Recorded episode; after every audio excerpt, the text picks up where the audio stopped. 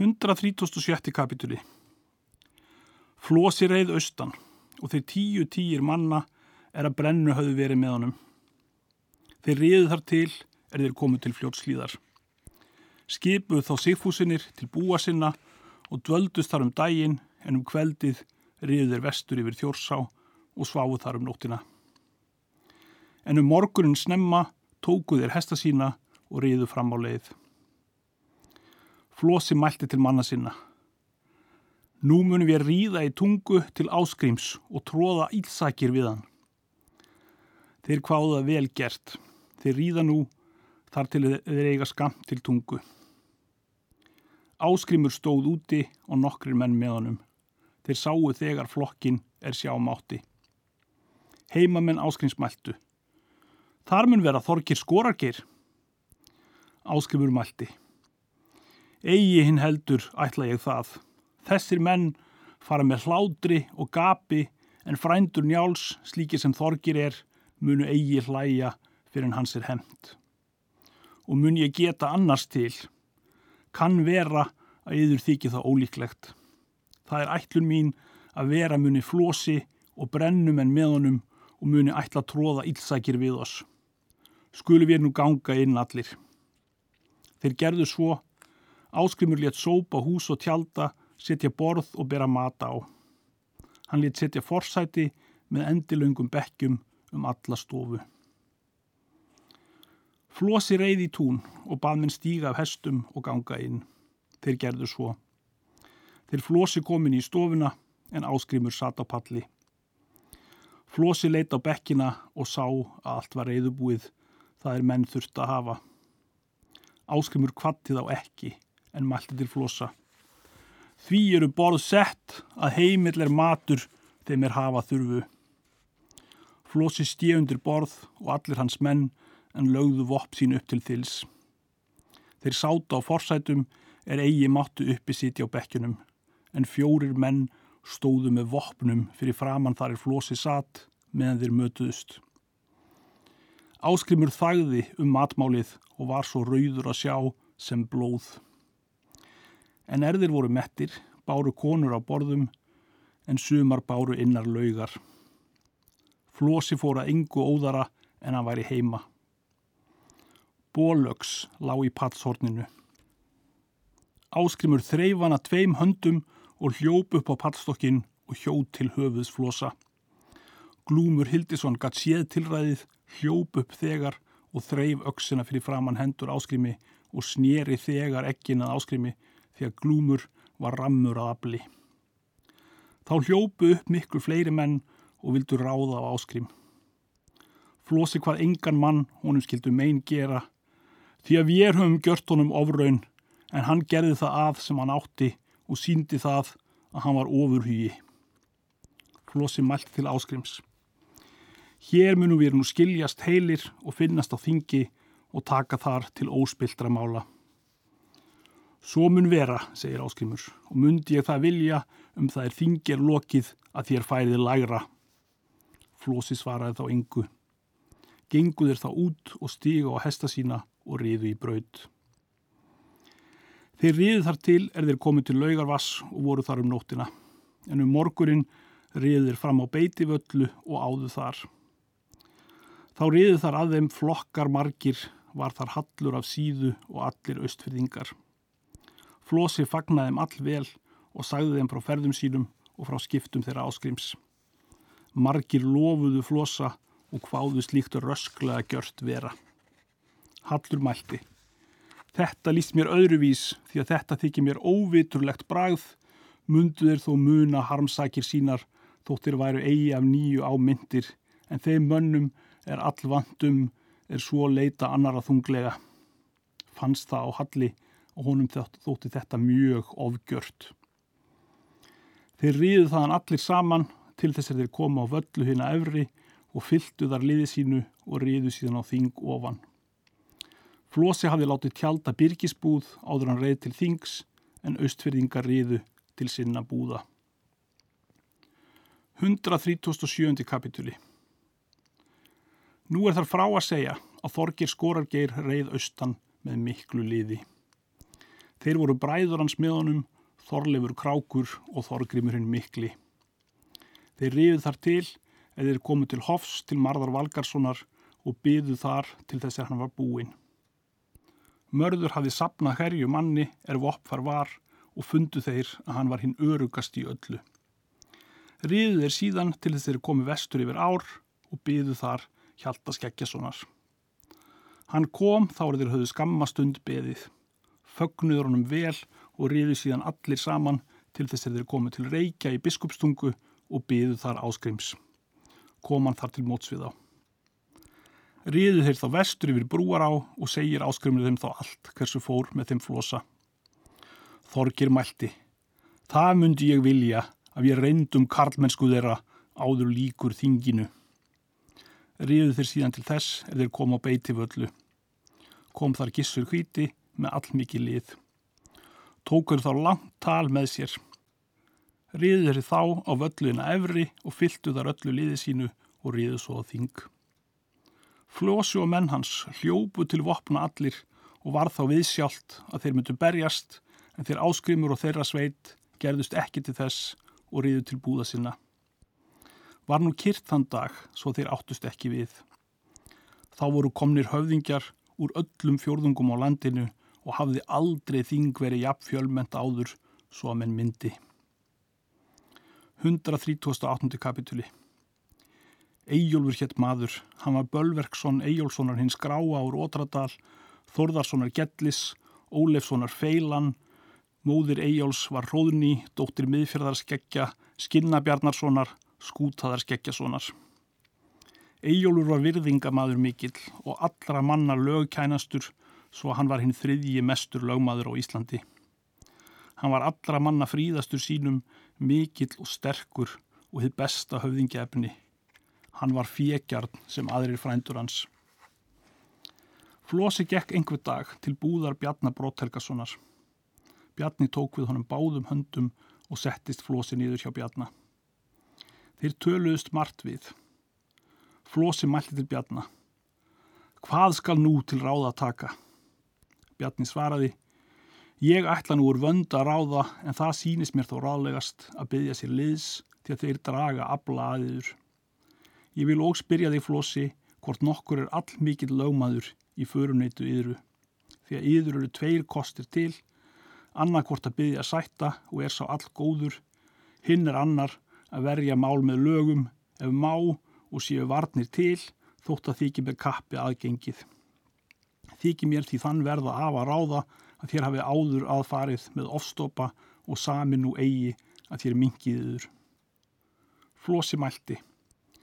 Þar er þú spurðir eftir um lögmenn, þá mun ég það skjótt segja þér að engir í vorum flokki og einskís veit ég voni í austfjörðum nema Þorkel Skeitissonar frændaðins.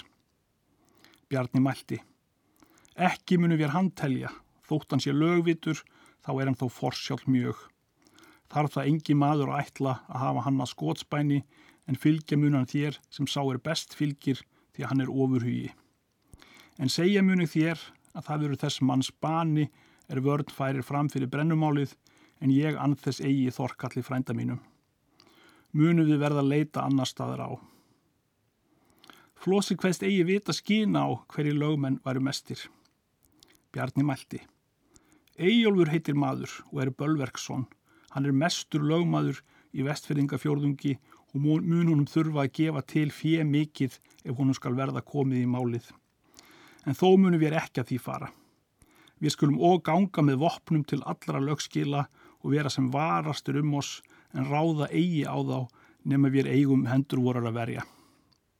Mun ég nú ganga með þér í liðspóruna því að mér sínist sem eigi megi kyrru fyrir halda. Síðan gengu þeir út úr búðinni og til þeirra auksfyrðinga. Talaði Bjarni þá við Lýting og Blæng og Róa Arsteinsson og fjekk hann skjóta þeim slíkt sem hann vildi. Þá fóru þeir til fundar við Kól, svon Vígaskútu og Eyvind Þorkelsson, Áskelssonar goða og bað þá liðveislu en þeir fóru lengi undan en þó kom svo að þeir tóku til þrjár merkur silfurs og gengu þá í málinn með þeim. Þá gengu þeir til ljósvetningabúðar og döldust þar nokkra hríð. Flósi beitti ljósvetningar liðveislu en þeir voru erfiðir og torsóttir. Flósi mælti þá með mikilli reyði. Ítla er yður farið, þér eruð ágjarnir heima í héræði og ránglátir en viljið mönnum ekki að liði verða á þingum þó yður krefji. Það mun og lagt mjög til ámælis viður og að brygslum haft viður á þingum ef þér munið eigi rakningar þær er skarpiðin raktiður ljósvetninga. Í annan stað hafði flósið við þá hljóðmæli og bauðum þá fram fjö til liðveislu og lokkað á svo með fagurmælum. Þar kom að þeir héttu liðveislu og gerðu þeir sig þá svo öruga að þeir kváðust berja skildu með flosa þótt þess þyrsti við. Bjarni mælti til flosa. Vel er þér farið. Þú ert höfðingi mikill og röskur maður og einarður og skefur lít af manni. Síðan fóru þeir í braud og vestur yfir öksar á og svo til hlaðbúðar. Þeir sáu að margt var manna úti fyrir búðinni. Þar var einn maður sá er hafði skarlat skikki á herðum og gull hlaðum höfuð og öksi silfurekna í hendi. Bjarni mælti, hér ber vel til, hér er Eyjólfur Bölverksson. Síðan genguðu til móts við Eyjólf og kvöttan. Eyjólfur kendi þegar Bjarni og tók honum vel, Bjarni tók í hönd Eyjólfi og leta hann upp í almannagjá. Bjarni bað flosa ganga eftir og mennans menn Eyjóls gengu og með honum. Þeir báðu þá vera upp á gjábakkanum og sjást þaðanum. Þeir ganga þar til, er þeir komið þar er gata lág ofan af henni efri gjánni. Flosi hvað þar vera gott að sitja og mega víða sjá. Þeir settust þá niður, þeir voru þar fjórir menn saman og eigi fleiri. Bjarni mælti þá til Eyjóls. Þig eru við komnir að finna vinur, segir hann, því að við þurfum mjög þinnar liðveslu í alla staði. Eyjálfur mælti, hér er nú gott mannval á þinginu og muniður lítið fyrir að finna þá menn er íður miklu meiri styrkur að en hér sem EGM. Bjarni mælti, það er ekki svo því að þú hefur marga þá hluti til að engir þér meiri maður hér á þinginu. Það er fyrst að þú ert ættaður svo vel sem allir eru þegar komnir eru frá Ragnari Lóðbrók. Hafa fóröldar þínir ávallt í stórmælum staðið, bæði á þingum og svo heimi héræði og höfður jafnan meiri hlut.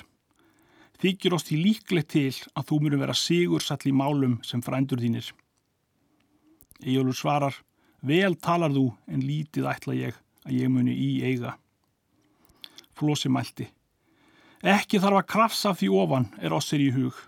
Liðveislu viljum við þér byggja að þú veitir að málum vorum og gangir að dómi með oss og takir varnir að verða og færi fram fyrir vora hönd og veitir oss um alla hlut á þingi þessu þá er tilkunnað falla.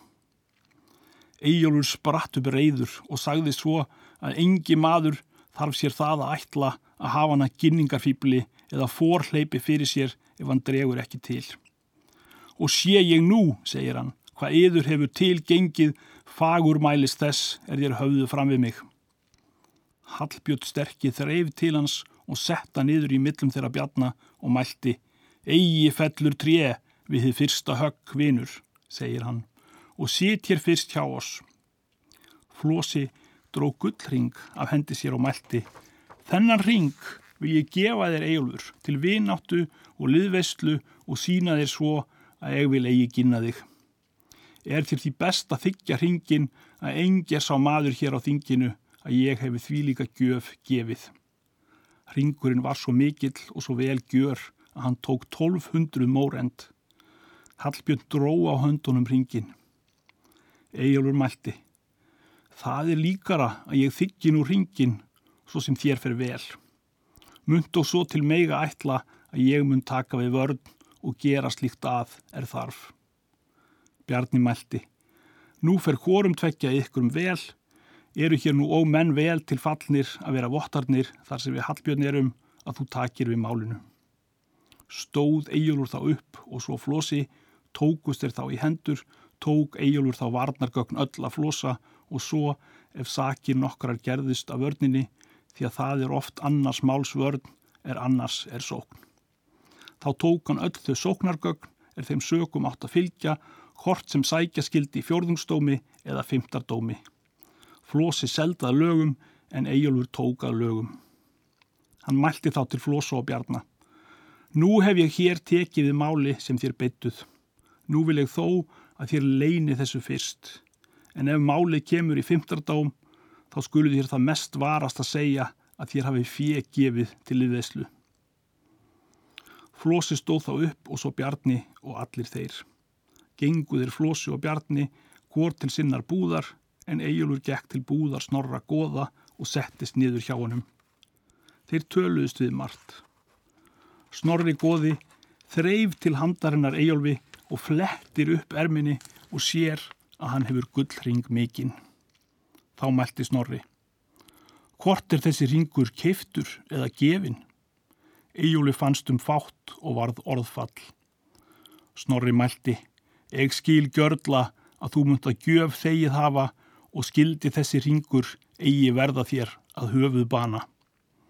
Íjúlur spratt upp og gekk í braut og vildi ekki umtala. Snorri mælti er hann sá að Íjúlur stóð upp. Það er líkara um það er dómur lokið að þú vitir hvað þú hefur þegið. Gekk þá Íjúlur til búðar sinnar. 139. kapituli Nú er þar til máls að taka er áskrimur Elliða Grímsson er og Kári Sölmundarsson að þeir fundust allir saman og Gissur Kvíti, Hjalti Skeggjason og Þorgir Skorargeir, Mörður Valgarsson. Áskrimur tók þá til orða. Ekki þarf þetta í hljóðmæla færa því að þeir einir menn eru hér nú við er hver veit annars trúnað. Vil ég nú spyrjiður ef þér viti nokkuð af ráðagerðum þeirra flosa. Sýnist mér sem við munum þurfa að gera ráðvort í annan stað. Gissur hvíti svarar. Snorri Góði sendi mann til mín og létt segja mér að flosi hafi þegið mikið lið af norlendingum en Eyjólfur Bölverksson frændans hafi þegið gullring af nokkrum og fór leinilega með. Og hvað Snorri það ætlun sína að Ejólur Bölverksson myndi vera ætlaður til að færa fram lögvarnir í málinu og myndi ringurinn til þess gefin vera. Þeir eruðu allir á það sáttir að þetta myndi svo vera. Gissur mælti til þeirra. Nú hefur mörður málminn, tekið við máli því er öllumund torveldlegast þykja að sækja flosa. Vileg nú að þér skipti sóknum meður því að nú mun brátt verða að lýsa sökum að lögbergi munum við nú og þurfa að byggja oss liðs. Áskimur svarar, svo skal nú á vera en byggja vilji verð þig að þú sért í liðsbónunni með oss. Gissur hvaðst það myndu tilegja. Síðan valdi Gissur alla hinn að vitrustu menn af liði þeirra til fyldar við sig. Þar var Hjalti og Áskrimur og Kári og Þorgeir Skorargeir. Þá mælti Gissur. Nú skulle við ganga fyrst til búðar skafta Þóratssonar síðan genguðir til ölfusingabúðar. Gissur gekk fyrstur, þá hjalti, þá kári, þá áskrimur, þá þorgir, þá bræður hans. Þeir gengu inn í búðina. Skafti satt á palli og er hann sá Gissur stóðan upp í mótonum og fagnaði hann vel og öllum þeim og baði Gissur sýta hjá sér. Hann settist á nýður. Gissur mælti til áskrims. Nú skaltu vekja til um liðsbón við skafta en ég mun þá leggja til slíkt er mér sínist. Áskrymur mælti. Til þess eru við hinga komnir að sækja þér traust skafti og liðsinni. Skafti mælti. Torsóttir þóttiður eða næstum vera er ég vildi að ég taka undir vandraðiður. Gísur mælti. Nú er annan veg til farið. Er nú að mæla eftir njálbonda og bergþóru húsfreyju er bæði voru saklus inni brend og eftir þrjá svonu njáls og marga aðra góða menn. Og myndu það aldrei vilja að gera að verða mönnum eigað liði og veita frændum þínum og máum. Skafti svarar. Það var mér þá í hug, er skarpjén mælti við mig að ég hefði sjálfur borið tjöru í höfuð mér og skorið á mig jarðarmenn og hann hvað mig orðin svo hrættan að Þórólur Loftsson bæri mig í mjölkílum sínum á skip og flytti mig svo til Íslands að ég myndi eigi eftir hann mæla. Gissur mælti. Ekki nú á slíkt að minnast því að sá nú dauður er þetta hefur mælt. Mund þú vilja veita mér þótt þú viljir eigi gera fyrir sakir annara manna. Skafti svarar. Þetta mál kemur ekki til þín nema þú viljir vasast í með þeim. Gissur reytist á mjög og mælti. Ólíkur ertu þínum föður þótt hann þætti nokkuð blendin. Varðan þá mönnum jafnana liði er menn þurftans mest. Skafti mælti. Við erum óskap líkir, þér þykist hafa staði í stórmálum, þú gissur kvíti, þá eru þú sóttir gunnar að hlýðarenda en áskrimur að því hann drap gaug fóstbróður sinn. Áskrimur svarar, fár bregður hinnu betra ef hann veitið verra en það munum margir mæla að eigi dræpi ég gaug fyrri en mér var nauður á. Er það nokkur vorkun að þú veitur oss eigi lið, en hitt er vorkunar löst að þú bregður oss brygslum. Mundi ég það vilja áður þinginu sé lokið að þú fengjar þessum málum hinn að mestu óverðing og bætti þér engin þá skömm. Stóðu þeir gissur þá upp allir og gengu í braut og til búðar snorra goða og gengu inn í búðina. Snorri satt á palli í búðinni. Hann kendi þegar mennina og stóð upp í mótið þeim og bað þá alla velkomna og gaf þeim rúm að sitja hjá sér. Síðan spurðust þeir almæltra tíðinda. Áskipur mælti til Snorra. Til þess eru við gissur frændi minn komnir hingað að byggja þig liðveislu. Snorri svarar. Það mælið þú þar er þér heldur vorkun til að mæla eftir máaðina slíka svo þú áttir þá er við mörg heilræð af njáli þó að nú muni það fáir.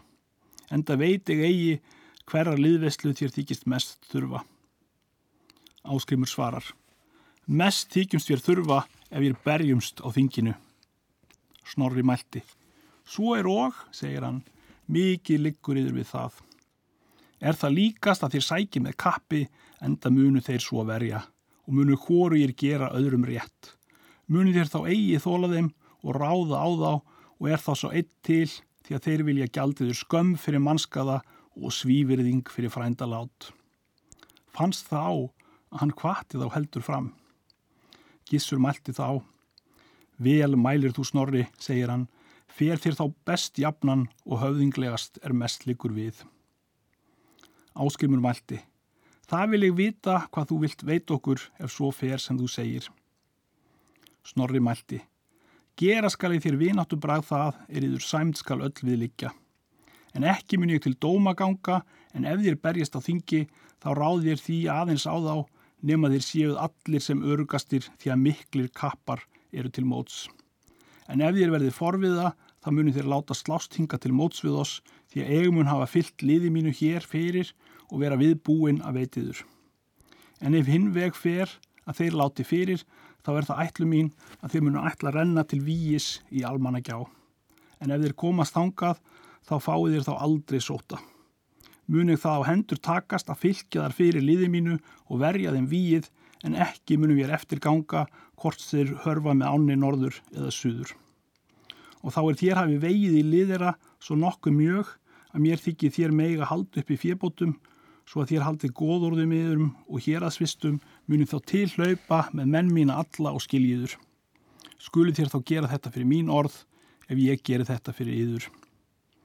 Gissur þakka hann um vel og hvað þetta í allra þeirra þörf mælt. Gengu þér það út allir. Gissur mælti. Hvert skal nú ganga? Áskrimur svarar. Til möðruvettlingabúðar, segir hann. Fóru þér það þangað. 140. kapituli og er þeir komi í búðina sáu þeir hvar Guðmundur satt og talaði við Einar Konalsson, fóstra sinn, hann var vitur maður. Gengu þeir þá inn í búðina og fyrir Guðmund, hann tók þeim vel og lítið reyðja fyrir þeim búðina að þeir skildu allir sitja meiga. Spurðust þeir þá tíðinda. Áskrifur mælti, ekki þarf þetta á mutur að mæla til þess erum við komnir hér að byggja þig örugara liðveslu. Guðmundur svarar, hafið þeir nokkra höfðingja fundið áður. Þeir svöruðu að þeir hefðu fundið skafta og snorra goða og sögðunum allt í hljóði hversu farið hafði górum þeirra. Þá mælti Guðmundur. Næstum fór mér til eða lítil mannlega er ég var yður erfiður. Skali nú því skemur draga fyrir yður er þá var ég torsóttari. Mun ég ganga til dóma með yður með alla þingmenn mína og veitiður slíkt er ég má og berjast með yður þótt þess þurfi við og leggja líf mitt við yðart líf. Því, og því launa skafta að Þorstein Hólmunur, sonur hans, skal vera í bardagunum með oss því að hann mun eigi treystast öðru en gera sem eg vil þar sem hann á Jótis í dóttur mína. Mun skafti þá vilja skilja oss. Þeir þökkuð honum og töluðu lengi síðan svo að ekki heyrðu aðrir menn til. Guðmundur bað þá ekki fara fyrir nýje fleirum höfðingjum hvaðan það vera lítil mannlegt. Munum við nú áhætta með þetta lið sem nú höfum við. Þér skuluð og ganga með vopnum til allra lögskila en berjast þó eigi svo búið. Genguður það út allir og heim til búða sinna var þetta fyrst á farra manna vitorði. Líður nú svo þingið.